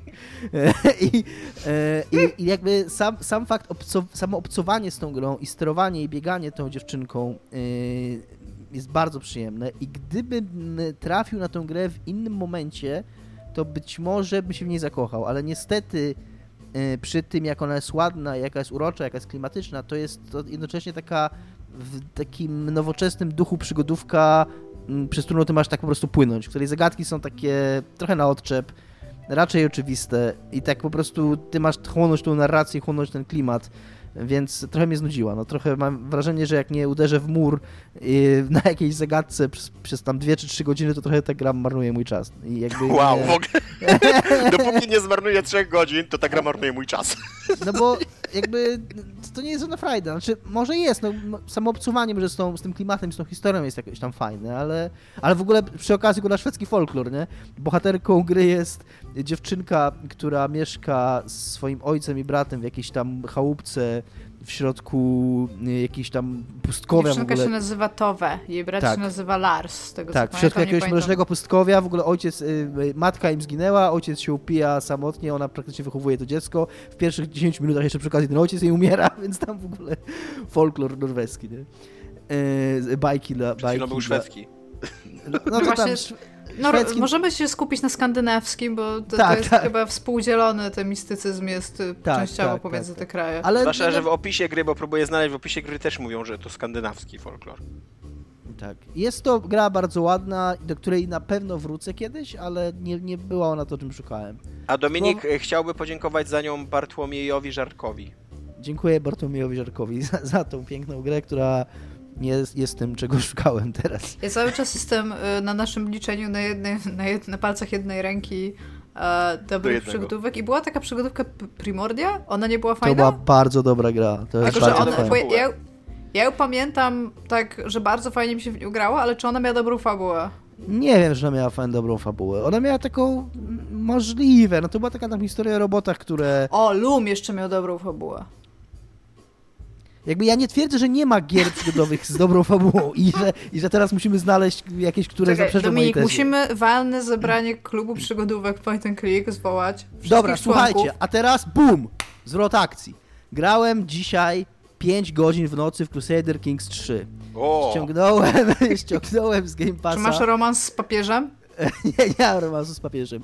E, z tych 5 godzin, ze 3 godziny grałem tutorial, więc nie mam jakoś super dużo do powiedzenia w tej grze, bo to jest autentycznie gra przytłaczająca. To jest gra, której tutorial to jest po prostu czytanie okna za oknem, za oknem, za oknem, po prostu tekstu, tekstu, tekstu, tekstu, gdzie w każdym tekście masz ze trzy takie hi- hiperlinkowe odnośniki, gdzie klikasz i się otwiera następne okno, a w tym oknie klikasz jeszcze coś i się otwiera następne okno i to się te wpisy się tak zagnieżdżają i po prostu ilość systemów, y, y, czy liczba systemów w tej grze i, i rzeczy, które tam trzeba zrozumieć, żeby w ogóle nie, jest przytłaczająca. Ale to chyba na tym polega, co nie? Piękno tej gry. Tak, tak. Na przykład to, co jest dla mnie ciekawe w niej, to, że to bardzo mało jest strategia. Znaczy, dużo mniej to jest gra strategiczna w takim klasycznym rozumieniu gier strategicznych e, komputerowym, że tam jakieś tam pionki się przesuwają na planszy i walczy się o jakieś wpływy za pomocą tych pionków, a dużo bardziej to jest taka, no tak, taki symulator, taki,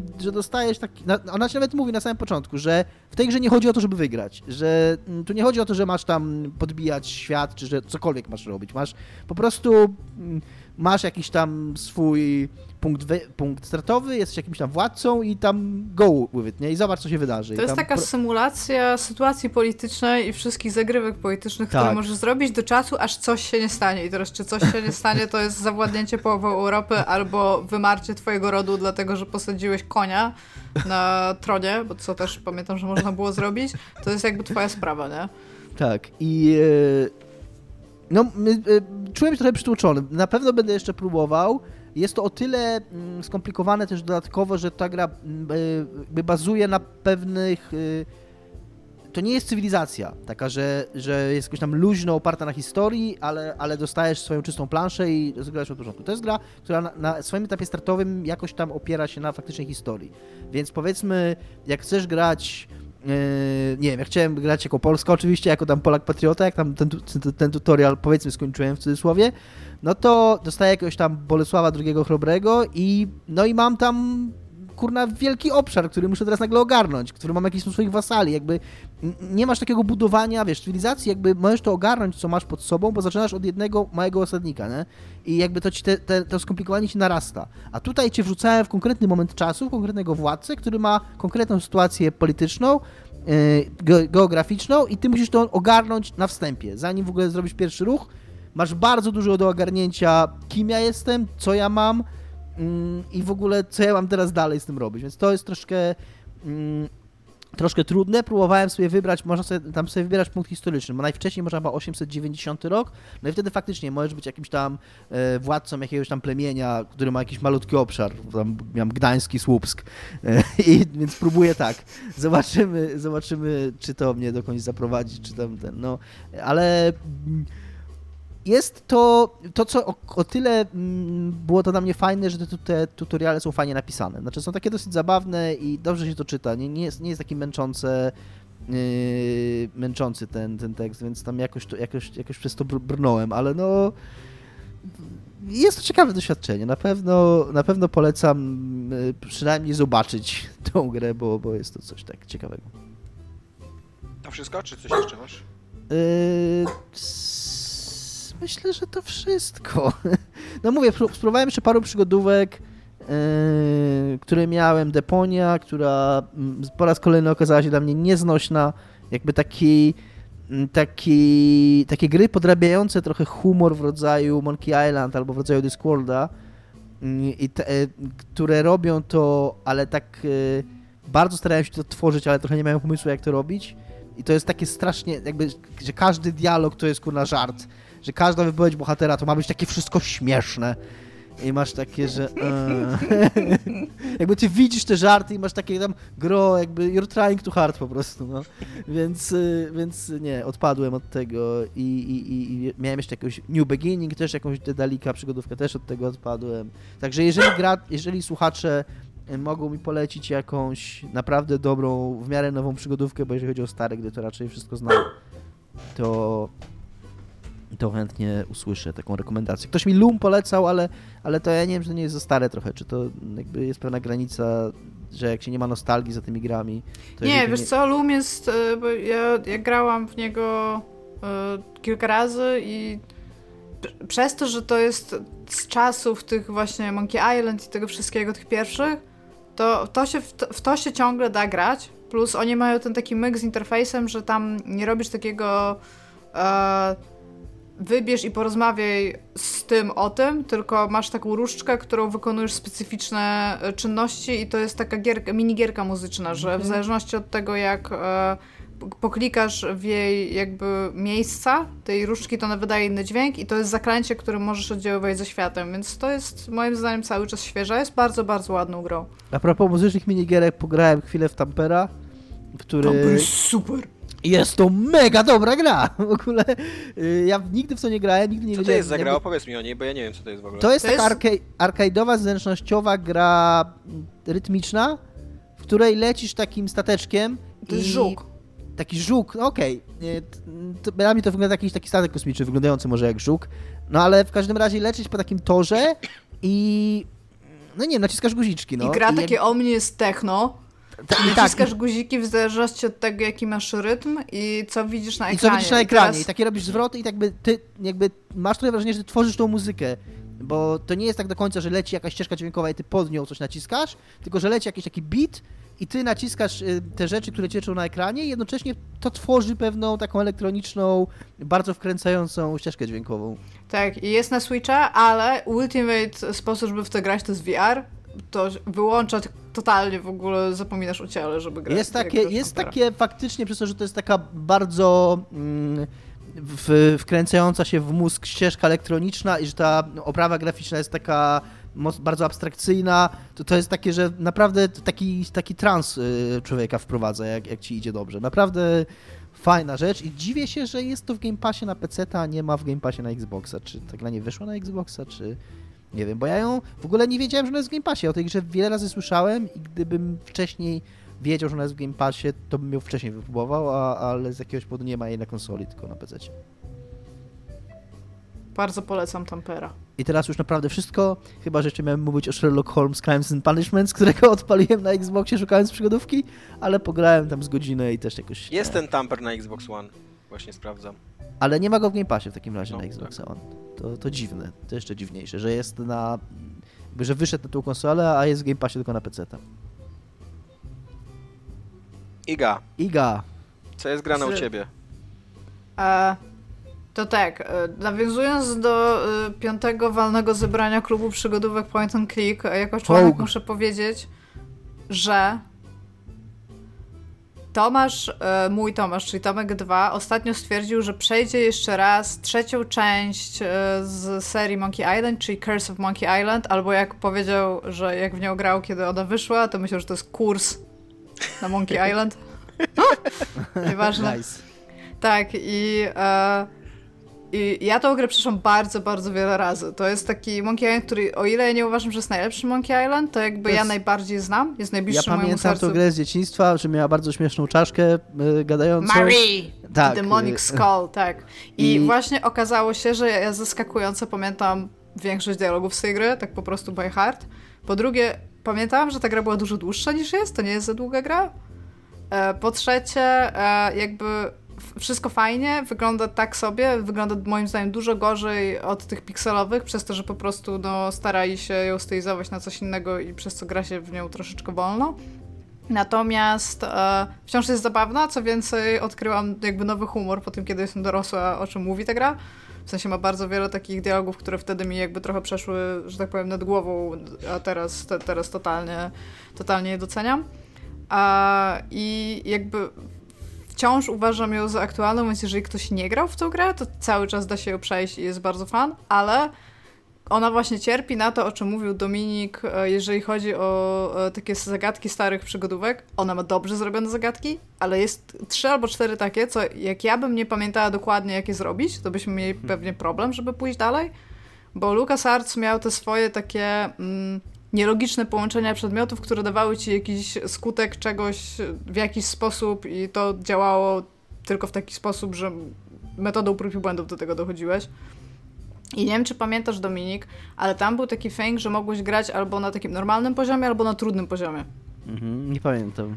I niektóre zagadki były mniej skomplikowane na normalnym poziomie, ale na, na tym wyższym trzeba było jakby więcej elementów i więcej rzeczy jakby spełnić, żeby, ta, żeby te zagadki jakby przeszły dalej.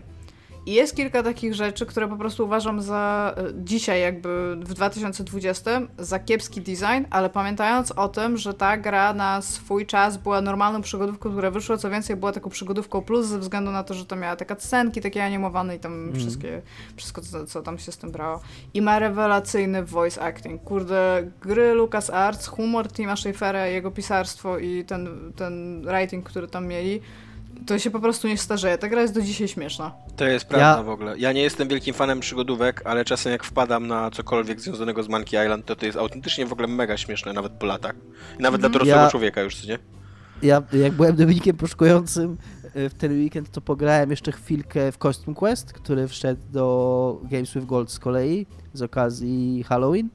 To też jest gra Tima Schafera i Double mhm. Fine. Takie y, trochę japońskie RPG. Tak, japońskie RPG o dzieciakach, które chodzą, zbierają cukierki i okazuje się, że ich kostiumy jakby naprawdę działają, więc jak tam boksem robota, to się bije jako tam wielki robot i tak dalej. I też nie wiem, pograłem w to z godzinkę, tam nie wiem, czy będę w to więcej grał, ale, ale po prostu to mm, taka taki, taka błyskotliwość dialogów i taka, taka krótka, krótka zwięz, taka zwięzłość tych dialogów, a jednocześnie takie trafianie w punkt i takie, taka mm, zabawność, jeżeli jest takie słowo, to jest nie do pomylenia, naprawdę, super jest. Tak, więc Tim Schafer ciągle, ciągle tak, żywy, ciągle aktywny i ciągle niech robi rzeczy, które robi. Więc to jest a propos jakby kącika przygodówek, a poza tym mnie zupełnie wsiąknął Game Pass. To jest po prostu masakra, ile ja ostatnio gram. Ja siedzę i gram. I ja to dosłownie robię, dawno Wiedziałem. tak nie miałam. Tak, widziałem Igę, e, obserwowałem, trochę stakowałem, stalkowałem na, na Xboxie, że, że grałaś tak, w to... Ja mam, ja mam starą listę znajomych, na której jest Dominik, któremu ostatnią wiadomość wysłałam w 2018 roku i teraz znowu mogłam mu wysłać. Bardzo, bardzo dobrą mieliśmy e, wymianę zdań. Relacje między nami wysłał... są bardzo zdrowe, dzięki, że pytacie w ogóle. Tak, Dominik wysłał mi wiadomość shit game, a ja mu odpisałam your mom. Bardzo ja, Więc tak. Cytowałem Jeffa, o której powiedziałeś. Tak, tak, tak. On, zrozumiałam, ale też chciałam tak. W każdym razie, a nie dość, że jest całkiem fajny pinball w Game Passie, w którego trochę pograłam, natomiast ma trochę rozwaloną... E... O, właśnie, to jest ten D Demon Steel, tak? Tak, i on ma, on ma taki problem, że on ma bardzo, znaczy tak, może nie bardzo, bo jeżeli by miał bardzo, to by się nie dało grać, ale jest duży problem z fizyką w tej grze, co w pinballu to jest, y, w wirtualnym to jest po prostu nie do pomyślenia. Ta piłka masz taki feel, gdzie ona powinna polecieć, ale czasami nie leci w zupełnie tą stronę i przy okazji ta gra jest bardzo taka... E, wzięła sobie do serca tą taką e, estetykę pinbali stołowych z okresu tego, kiedy już zaczęto media cyfrowe do tej mechaniki wsadzać, więc ona jest bardzo taka flashy, tam bardzo dużo się dzieje, ale jako, że to jest wirtualne, no to zrobili na przykład, że jest pełno takich jakby pocisków, takich projectiles, które na ciebie lecą i centralnie one mają wpływ na jakby tor twojej piłki. Natomiast w jakiś dziwny sposób ktoś stwierdził, że będzie dużo lepszym pomysłem, że one będą jakby na pierwszym planie, więc ta twoja piłka może za nie wpaść i ty totalnie nie masz zielonego pojęcia, gdzie jest twoja piłka w tym czasie. I to są jakby duże minusy tej gry, ale gra się w nią rewelacyjnie. Siedziałam chyba, kurde, tak nie Kurde, wiem, ja w ogóle lubiłem za dzieciaka te wirtualne, a jakoś tego nie ściągnąłem, bo jakoś mnie odstraszało to, że to jest Demon Steel, to, to jest tam od Znaczy ducha, on jest taki okultystyczny, nie? W sensie tam no. masz tam e, wszystkie te ryje takie na ekranie, to są takie no, no takie jakbyś pomyślał o y, okultyzmie lat 90., to co się wtedy sprzedawało, jak to się robiło, więc masz tam jakieś high priestesses i masz jakieś takie demony i węże i skorpiony, to jest mniej więcej na takim poziomie estetycznym, no. ale bardzo, bardzo, bardzo fajnie mi się no, w to może grało, zobaczę. Więc... więc to jest spoko, ale gram teraz w dwie gry oprócz tego i jedna z nich to jest e, to, o czym już wcześniej rozmawialiśmy, co ja mówiłam, że bardzo chcę to sprawdzić i to jest, e, ma, mieliśmy Ludzie mówią, że Outer mówią, że... Wilds. Outer Wilds. Będziemy teraz mówić o Outer Wilds. Nie Borderlands, nie Outer że... Worlds. tak. Że nie czytamy co... tytułów, albo nie wiecie o czym mówimy. Tak, albo właśnie chcę powiedzieć o co mi chodzi, że rozmawialiśmy o tym, że ta gra ma tak dużo goty i ja kilka razy do niej podchodziłam i też przy okazji e, robiliśmy quick z Dominikiem. I mi się ta gra nie wydawała niczym szczególnym. Tak, tak zupełnie niczym szczególnym mi się nie wydawała. I zaczęłam ją chyba trzy albo cztery razy, tak po prostu, żeby taki pierwszy run, bo jako, że ta gra jest w takim lupie, co się okazuje automatycznie, więc nie, to nie jest żaden spoiler, ona ma lupa, w którym ma się 20 chyba 2 minuty do czasu, aż jeszcze raz będziesz zaczynał grać, chyba że wcześniej umarłeś. Więc e, zaczynałam ten pierwszy lub i potem mi się trochę, trochę nie chciało grać, bo tam chwilę trwa, żeby pogadać z tymi wszystkimi ludzikami, pozbierać tam rzeczy i poczytać. I jak potem zaczęłam grać, tak chyba z półtorej godziny, ja po prostu wsiąkłam. I ta gra obudziła taki mój.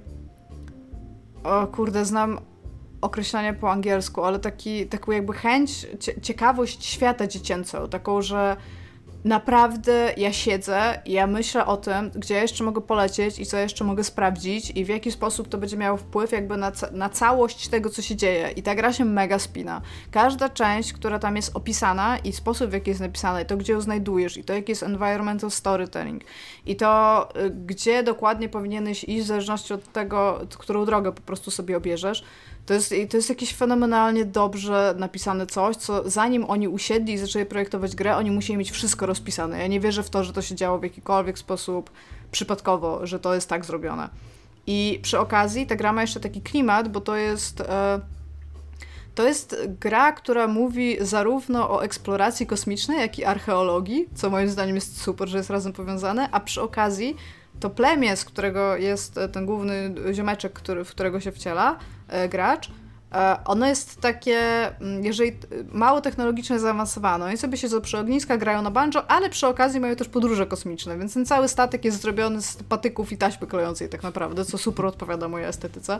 A e, rozwiązuje się zagadki o takiej cywilizacji, która była wcześniej, jakby przed, e, przed tym plemieniem i my wiemy, że ona istniała, ale znamy tylko ich artefakty.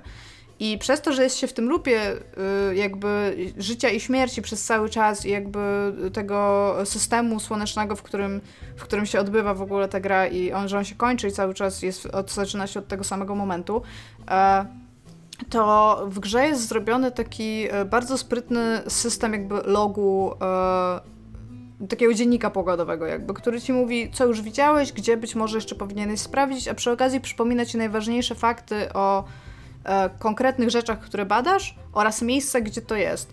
I przez to, że to się cały czas uzupełnia i na przykład wiesz, o tutaj jeszcze jeden puzzle włożyłem, o tutaj jeszcze coś mi mówi, że mam jakiś znak zapytania. Ja, ja po prostu od wczoraj mi się śni kosmos, ale taki w ogóle jak u Juliusza Werna, że, że w ogóle da się badać kosmos, że są takie małe planety jak w Małym Księciu i tam są różne problemy różnych rzeczy i że można tutaj rozwiązać jakąś zagadkę. I to, to jest fenomenalne. I nawet fakt, bo e, pamiętam, że Dominik mówił, że tam, że tam są etapy platformowe, które są niefajne dosyć, bo w FPP zawsze są niefajne, to tutaj się ma jetpacka i jakby nie ma, moim zdaniem, praktycznie żadnej trudności. A miałaś Potem... na przykład w latanie przez takie tunele, mm, te, które cię niosą? I musisz tak. z jednego na drugi? Ja się z tym strasznie tak. męczyłem. E, jest coś takiego, musisz, ja to musisz w locie, musisz w locie późno, zmienić... że twój jetpack ma boosta. Tak, w sensie, ja wiem. Ja wiem, I jak się ta... tym boostem posługujesz, to tak naprawdę jesteś w stanie wykolejkować każdy skok, jaki ci się podoba. No możliwe, ale y, znaczy teraz ja chciałbym, nie chcę i zepsuć jej miesiąca miodowego, więc tam ciesz się tym. Y, byłem w tym miejscu, w którym jesteś i ta gra, mm, ona robi wszystko to, co Iga mówi, że ona robi, ja się z tym zgadzam, ale niestety moim zdaniem y, to troszkę siada w pewnym momencie. To troszkę nie siada, skończyłeś jej, co Domek? Nie skończyłem jej, nie. Bo to nawet nie chodzi o to, że że elementy platformowe są trudniejsze bądź nie, tylko że od pewnego momentu, jak już zaczynasz rozumieć, czego ta gra od ciebie oczekuje, to granie w nią to już jest mniej y, ta fascynacja, o której ty mówisz, właśnie ona jest super, do, do, do, dlatego moim zdaniem ona, y, ludzie jej nie kończą. Ja jej nie skończyłem, ale czuję się, że widziałem dość, bo moim zdaniem jak ty już A ile ty odkryjesz nią grałeś? z 5-6 godzin, Ja jestem no, chyba z 14 godzin już i jest coraz Okej. więcej tego. no to nie wiem, no, no to okej, no to może po prostu masz inne doświadczenie niż ja. Ale ja miałem tak, że dopóki jeszcze tam się zastanawiałem, o co w tym chodzi i, i dopóki mm, nie wiedziałem do końca, czego gra ode mnie oczekuje, to się dobrze bawiłem. A potem jak już wiedziałem, że... Bo tam na przykład... No to, Może to, jest, 14 to za dużo, no nieważne. to, to jest może lekki spoiler, więc jeżeli nie graliście w Outer Wilds, to przewincie teraz o tam 20 sekund, ale na przykład w pewnym momencie orientujesz się, że w tym 22-minutowym loopie, który masz, są konkretne momenty, gdzie coś się dzieje w tym kosmosie, że powiedzmy, No, w, że masz powiedzmy 10, e, 30 sekund od, w dziewiątej minucie, kiedy na jakiejś planecie e, i, i coś się wydarza takiego, że, że ten i, i wiesz, że musisz tam być i i, i, ma, i ma, przed tobą jest teraz fizyczne wyzwanie pojawienia się w pewnym momencie i zrobienia tego, czego gra oczekuje. I jak ci się to nie uda, to teraz musisz czekać kurwa 10 minut, żebyś ten loop zresetował. I, Dominik, i, ale masz przy okazji tak dużo rzeczy do robienia, że nie musisz No ja- czekać, aż ci się lub zresetuje, Ale tylko no- możesz iść zrobić do końca lupu coś zupełnie innego. Jakby. No możesz, no możesz, ale w pewnym momencie już właśnie nie masz. Albo, albo chcesz, i, i wiesz, Dobra, ja, ja, mo- Ty po pięciu godzinach nie miałeś sytuacji, gdzie nie miałeś takiego czegoś. może, to może to było więcej niż 5 godzin, ja nie pamiętam. I ja jakby nie chcę ci odbierać tej gry. I, i ja też, ja zdaję sobie sprawę z tego, że jestem w mniejszości. Przestań się dobrze bawić, Iga. Natychmiast. Bo tak, Znaczy, to co mówisz Dominik, miałoby dla mnie sens, y, jeżeli ta gra by była jakaś nie wiadomo jaka długa. Ja w tym momencie gram i mam jakieś pięć otwartych wątków w pięciu różnych miejscach, bo właśnie ona tak cię prowadzi. Ona daje ci informacje na temat kilku miejsc, więc zawsze możesz, jeżeli czegoś nie masz w tym jednym miejscu, to możesz iść do drugiego miejsca. I dlatego ona w ogóle, moim zdaniem, nie traci tego momentum. No dobra, ale... No to jeżeli... No nie wiem, no mi, dla mnie straciła, no. I, I jakby ja mam raczej takie gorzkie z niej wspomnienia, że trochę... e, Że na początku byłem mega zafascynowany, a później mnie zmęczyła. Ale może faktycznie ja mam coś takiego przez tą swoją przygodówkową też naturę, że ja się fiksuję bardzo i, i że jak mam jakąś zagadkę, jakieś miejsce, to ja chcę to rozwiązywać teraz. Ja będę siedział, być może dlatego właśnie ja nie miałem tak jak Iga, że, że jak y, coś mi nie wychodziło, to zacząłem robić coś innego, tylko stwierdzałem, że dobra, to jest, ja chcę wiedzieć o co tam chodzi. I próbowałem, próbowałem, próbowałem i w końcu jak tam za którymś razem mi się znowu nie udało, bo tam przez takie tunele, y, y, y, jak na tym jednym z tych księżyców, na których się piasek przysypuje, musisz... y, taki- Ember Twin, wczoraj to robiłam. To musisz przez jakieś takie, y, y, że masz, y, tam, ten piasek się wsypuje do tych jaskini i masz bardzo krótki czas, kiedy możesz przebiec przez tą jaskinię, zanim piasek ją zasypie. I to, I to było już mnie tak to wkurzało, że któryś raz już biegnę, tam uderzam w ogóle jakąś głową w ciemności, w jakiś mur i kurna, znowu mi się zasypuje ten piasek i znowu kurna nie ten, i kolejne 10 minut czekania. I znowu tam lecę, i znowu biegnę tymi tunelami lecę i czekam, i, że- i żeby ten piasek się nie przesypał za szybko, nie? I to jest takie Nie, kurna, nie. Dominik, to brzmi jakbyś strasznie ssał w tą grę. nie, serio, tak, byłam tam wczoraj, tak jak mówię, mam bardzo żywe wspomnienia z Ember Twin. Jest tak, że trzeba tam troszeczkę poniuchać i tam za dwa razy mnie ten piasek zmiażdżył rzeczywiście, ale dosyć szybko wykminiłam, że tam, jeżeli zrobię to dostatecznie jakby w pierwszym etapie tego loopu czasowego, to jestem safe i sobie byłam w stanie zbadać bardzo dużo z tych rzeczy, a jakby nagrodę, którą dostałam za każde ze zbadanych rzeczy w tamtym miejscu jest tak fajna, w sensie dla mnie w moim sercu, że ja teraz czekam, aż skończymy nagrywać i idę grać w, w Outer Wilds, nie?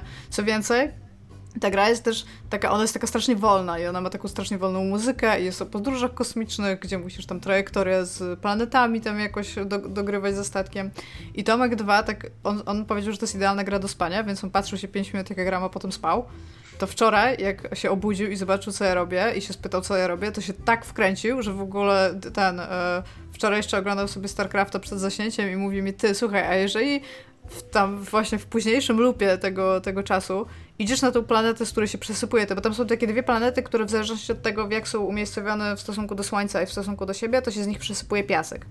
Zaczyna się tak, że jedna jest całkowicie posypa- e, jakby całkowicie opiaszczona i ten piasek się przesypuje na drugą, taką jej bliźniaczą planetę, więc z czasem tam się odsłaniają budynki i bardzo różne inne rzeczy na, e, na jej powierzchni, więc właśnie siedział i o tym mówił. Ja mówię, że już tam byłam, już tam porobiłam dużo rzeczy. Ja mówię, że muszę mu jutro koniecznie pokazać. Więc to jest naprawdę, to jest taki, to jest taki child sense of wonder. Nie wiem, nie mamy chyba dokładnie tłumaczenia czegoś takiego w, po polsku, ale właśnie taką, taką ciekawość Nie no, mamy wynika- ciekawość, no. Ale właśnie Child's Sense of Wonder jest dla mnie czymś innym niż ciekawość, bo Child's Sense of Wonder to jest ciekawość połączona z taką imaginacją, oczekiwaniem czegoś, a nie tylko takim ciekawością czegoś, żeby coś zbadać jakby, nie?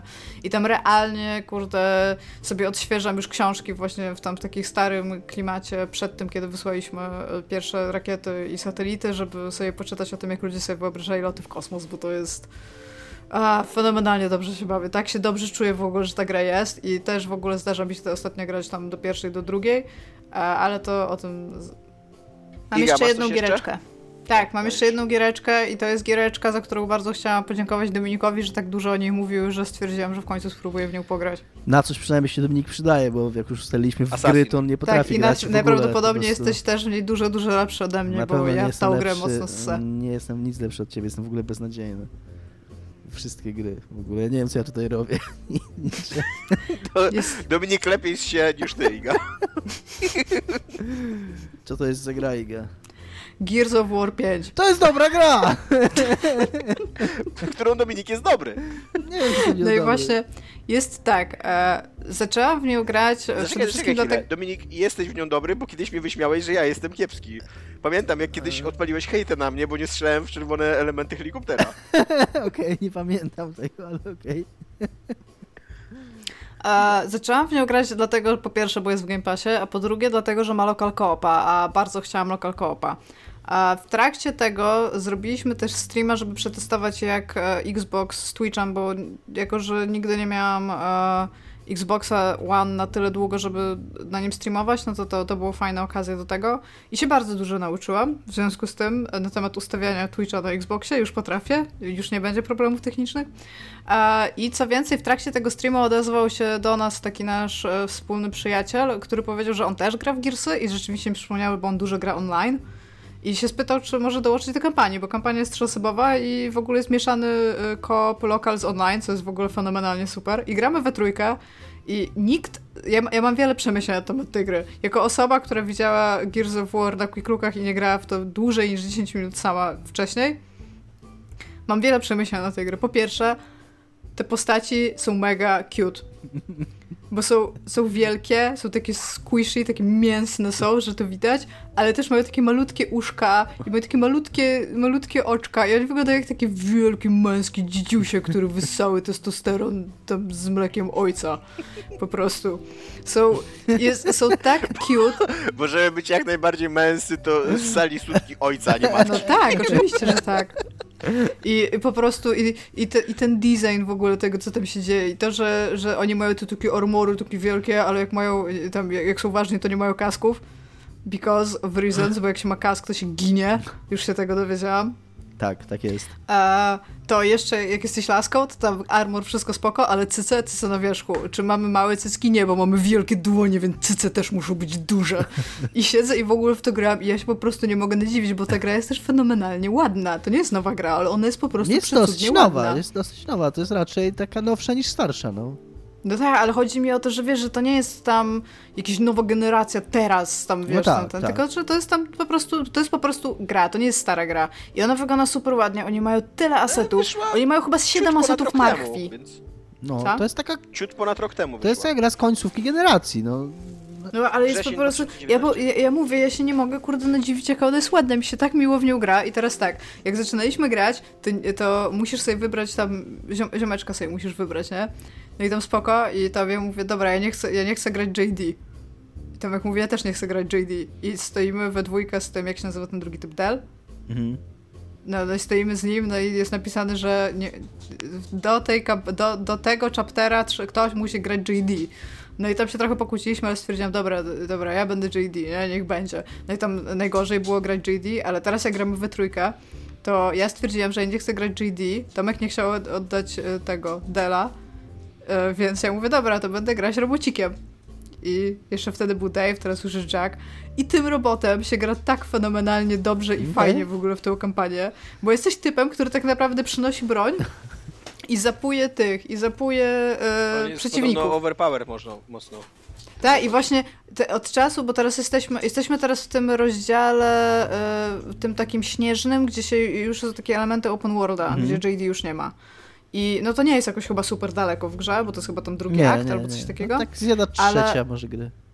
No i w ogóle mam już tak rozwiniętego ro- tego robocika, że ja po prostu idę i zabijam ludzi z maszyną do zabijania. I mnie tak bawi granie tym robocikiem, a najbardziej bawi mnie fakt, że jak schodzi ze schodów, to on realnie schodzi ze schodów, pomimo tego, że się unosi nad tym i że nie mogę nigdzie wejść, dopóki oni nie wejdą.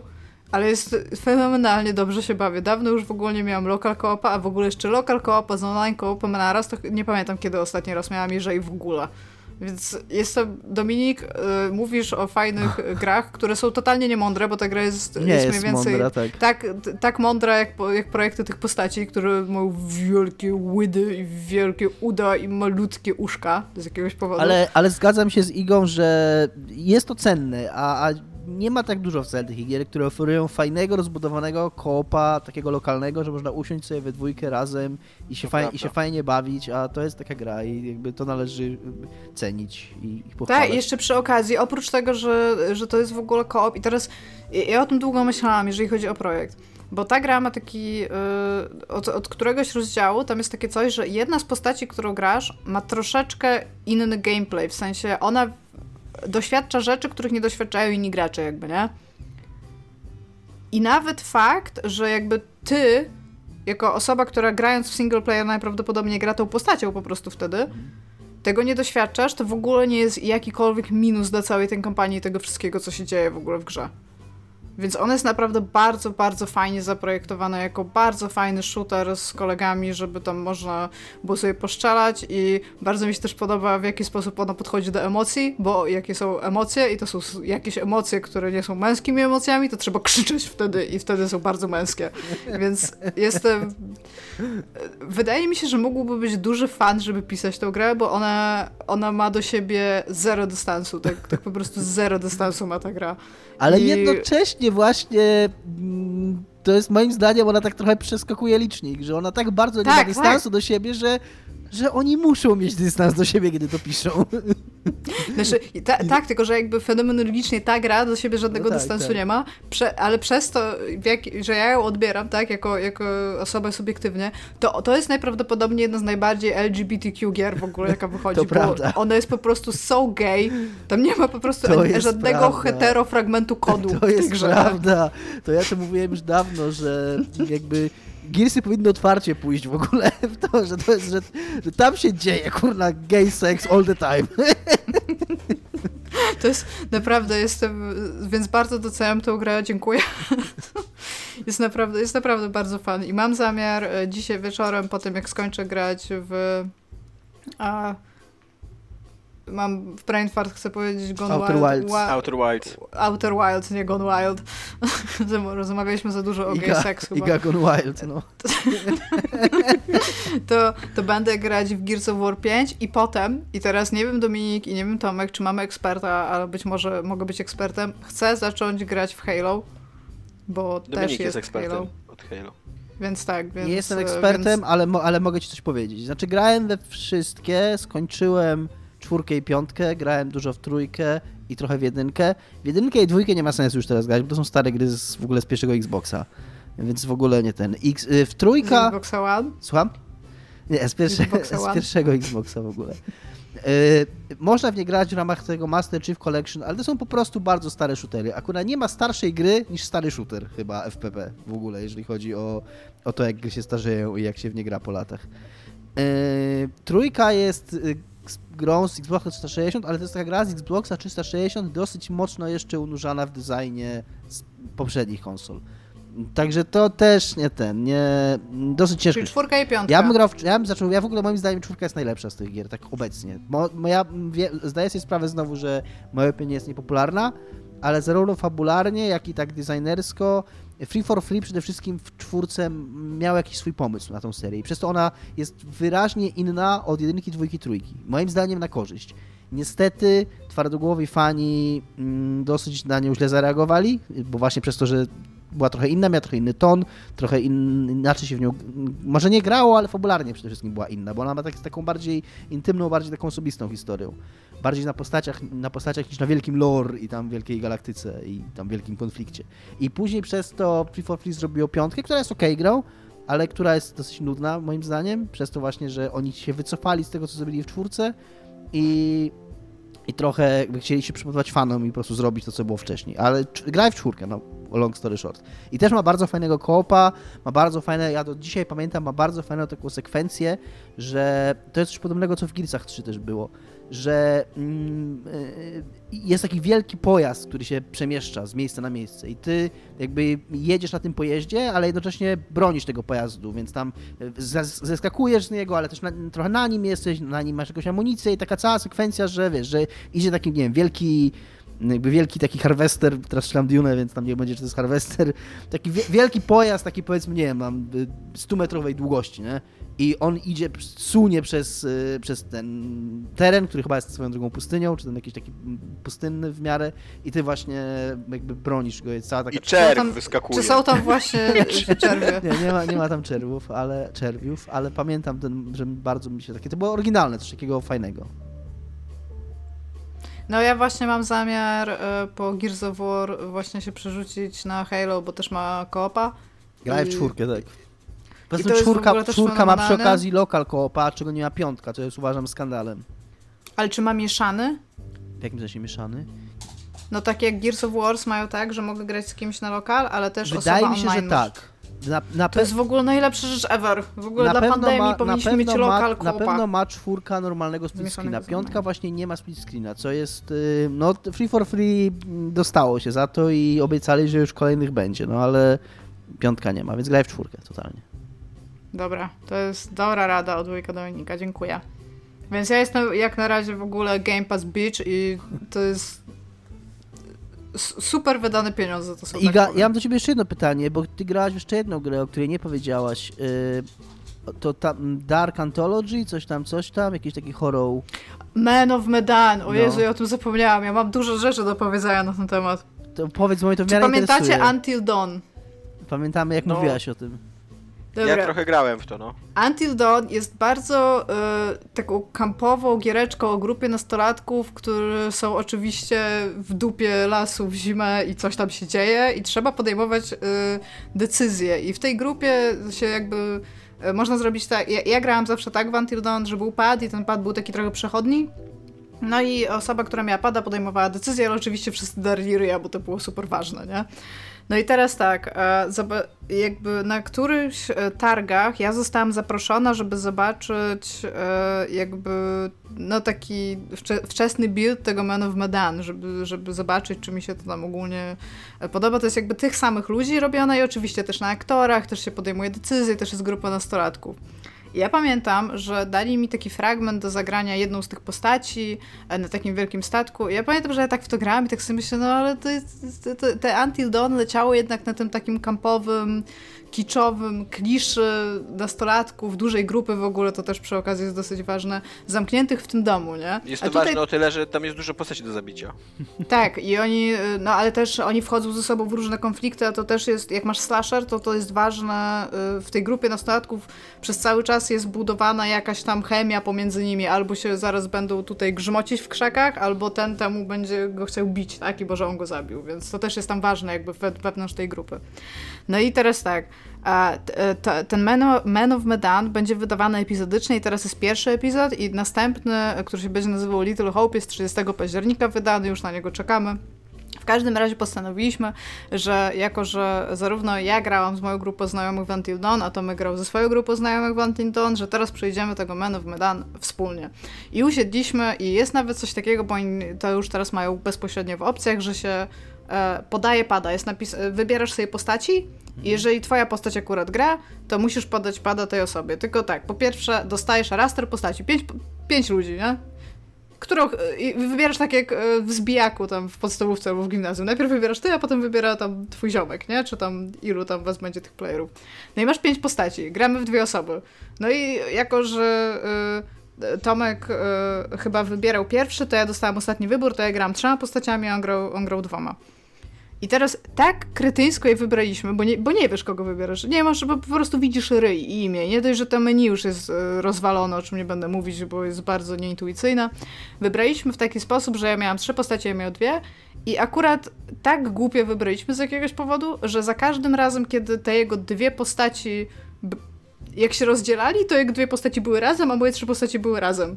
Więc zamiast grać jakby raz po raz, to ja podejmowałam decyzję jakby w jednej grupie, a on podejmował w drugiej grupie pomiędzy sobą, nie? Ale dobra, no słabo daliśmy sobie radę. I jaka ta gra jest głupia, o Jesus, w sensie to jest źle zrobiona gra tego typu. W Until Dawn twoi ludzie ginęli ze względu na decyzje, które wybrałeś. Miałeś takie jakby... Yy, no, takie rozdroża wyborowe, które takiego nowego brancha ci robiły. Jeżeli wybrałeś jakby dostatecznie dużo niefajnych decyzji, co było w miarę logiczne, tam było kilka takich bardzo nielogicznych rzeczy, ale raczej byłeś w stanie zrobić tak, że wiedziałeś, o, ta osoba przeżyje, nie? To tutaj, jak skończyliśmy pierwszy raz, bo dwa razy, zaraz powiem o tym, a dwa razy skończyliśmy ten epizod, trzy, trzy postaci zginęły na, na Quick Time Evencie. I to nie tak, że mogłeś go powtórzyć, w sensie na zasadzie, że e, nie wiem E, powiedzmy, że ja bym tutaj teraz na Dominika wyskoczyła z baseballem i on by musiał się trzy razy schylić i jakby dwa razy dostał, to by umarł. Tylko jak dostał przynajmniej raz, to umierał. Nie? No i, i te quick time'y są po prostu tak źle jeszcze w ogóle jest wycelowane. Jest to bardzo niepokojący przykład, Iga. No, akurat nie chciałam spoilować, ale jest dokładnie taka walka, tylko nie ma baseballa, tylko jest klucz francuski. Jest w niej tam, tam zginęła jedna osoba. Iga, no, Iga, ale... jeszcze raz poczekaj. Przepraszam, że mówiłem źle na temat Outer Wilds. Dominik, nie Tylko wychodzi z domu. Nie zabijaj, Dominik, nie zabijaj mnie bolem, proszę. w każdym razie e, no, no i przyszliśmy jakby całą grę i w pewnym momencie zostały nam dwie, dwie postaci, nie? I jest, jest kilka takich scen, które potem dopiero odkryłam, czemu są takie awkward, ale po prostu są, są dwie osoby zamknięte w pomieszczeniu i one rozmawiają. I ten dialog w ogóle wygląda jakby komuś z dupy wyszedł. Jakby ktoś się odwołuje do czegoś, co być może ktoś wcześniej powiedział, ale nikt tego nie powiedział, albo nagle, nagle w ogóle w środek zdania wchodzi ktoś z jakimś although, pomimo tego, że nikt wcześniej jakby nie mówił nic takiego, żeby ta osoba mogła tak powiedzieć. No i przeszliśmy całość, mieliśmy takie sobie zakończenie, nie podobało nam się i stwierdziliśmy, dobra, siadamy teraz, w tym momencie, jak skończyliśmy tę grę i dopóki wszystko na świeżo pamiętamy, to przechodzimy od połowy, od tego momentu, kiedy nam zginęła pierwsza postać, jeszcze raz. I nam się udało, po prostu pot na czoło i ten, żeby te wszystkie quick time'y w czasie zrobić i żeby to się wszystko udało. I nam się udało i nagle się okazuje, że te wszystkie sceny mają sens, jak jest wszystkie pięć postaci. Jeżeli oni rozmawiają pomiędzy sobą, to te zdania nie dość, że nie, bo one też nam się wydawały na sam początku takie urwane w połowie i one były urwane w połowie, dlatego że jakaś postać zginęła, więc ta postać, która mówiła, nie mogła się do niej zwrócić. I to jest po prostu tak źle no produkcyjnie no, w ogóle tak, ogarnięte. No, sensu.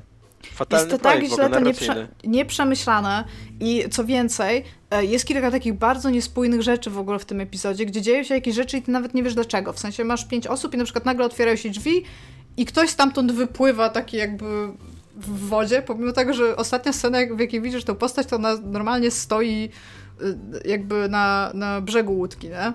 I sam setting jest nawet w ogóle już jeszcze zupełnie bezsensowny, bo masz takiego narratora, y, to z tego co rozumiem, to jest takie, takie ramy do wszystkich tych epizodów będzie, że on ci opowiada jakąś historię, w której ty podejmujesz wybory. Ty jako gracz, który siedzi za biurkiem naprzeciwko tego typa.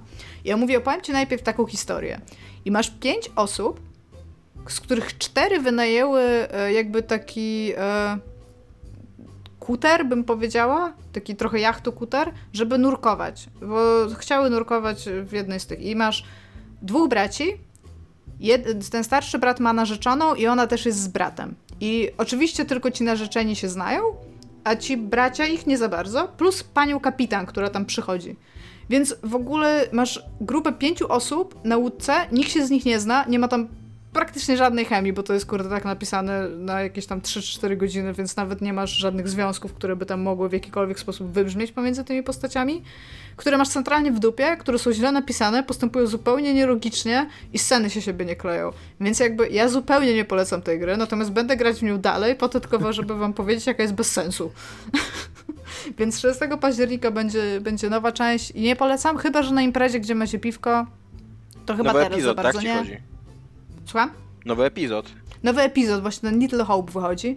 A jakby powiem tak, to jest w Game Passie, więc tam spoko. E, nie róbcie teraz imprez domowych, bo jest pandemia, ale po pandemii, jak będziecie musieli wypić te hektolitry piwa, których teraz nie pijecie ze znajomymi, możecie usiąść i pograć w tę grę, bo jest po prostu głupia, ale nie daje żadnego rodzaju satysfakcji i nie jest nawet w połowie tak spoko, jak było Until Dawn. To jest po prostu źle zrobiona gra, przynajmniej ten epizod. Ja w ogóle chciałem... Ten Little Hope ma takie Silent Hillowe vibe, więc tutaj jestem troszeczkę bardziej jakby pod to. Chciałem przywitać y, y, IG w y, y, drużynie Game Passowej. Mam, mam nadzieję, pra, tam, szeregowy IGA, mam nadzieję, że niedługo uda mi się awansować. Game Pass Represent. Y, Tomasz, czekamy na ciebie. Ja się czuję w ogóle na maksa wy, wykluczony, bo tutaj wy macie tak i, i klub gre, e, tych tych izometrycznych RPGów i, i macie i klub przygodówkowy i teraz jeszcze drużynę Game Passową. Ja spoko, tak sobie tu posiedzę z boku i ponagrywam z wami gramy, podcast, nie wiem dlaczego I gramy w, gramy w Gearsy jeszcze do tego. tak, gracie w Gearsy teraz. Ale ja też gram w Hadesa. Tylko idzie mi dużo słabiej niż Tomaszowi, bo Hadesa jeszcze nie zabiłam ani razu. Więc nie będę mówić tutaj, żeby nie było, że jestem słaba, ponieważ, pomimo tego, że jestem słaba, więc muszę grać tylko w takie giereczki, w których się głupio skacze i gdzie umierają nastolatki. To jest mój po prostu wyżyny moich y, ambicji. Tomek, powiedz mi jedną rzecz teraz. Tak, no. Czy, bo mi się wydaje, że mówiłeś tak, ale może z czymś mylę. Czy Katana Zero ma fajną fabułę? Taką, że cię tak, wkręca, co się tam dzieje? Fabułę.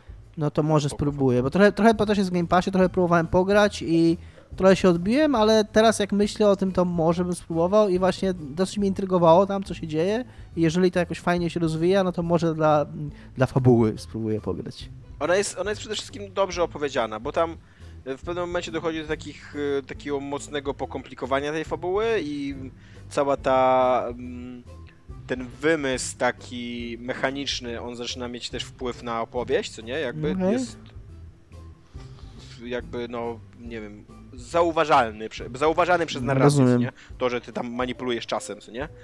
E, no i tak, jest, jest spoko fabuła. Tam no to... mi, się, mi się bardzo przyjemnie odkrywała. No to może, może jednak się przekonam, bo tak mówię, jestem Ale teraz... ona jest bardzo skillowa.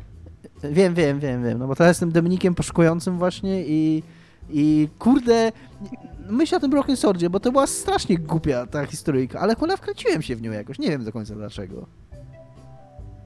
I właśnie takie... Jesteś Może Dominikiem koczująco polującym, a nie poszukującym. że, że jednak, jednak mam coś takiego, jak, że, że jednak no dopóki mnie, może mnie gra wciągnąć, ale dopóki mnie historia jakoś nie zaangażuje, to to jest zawsze takie na odległość. A właśnie w tym Broken Swordzie, przy całym kole świadomości, przy całych takich uproszczeniach, przy takiej naiwności w ogóle tej fabułki, bo to, to jakoś kona, no nie wiem.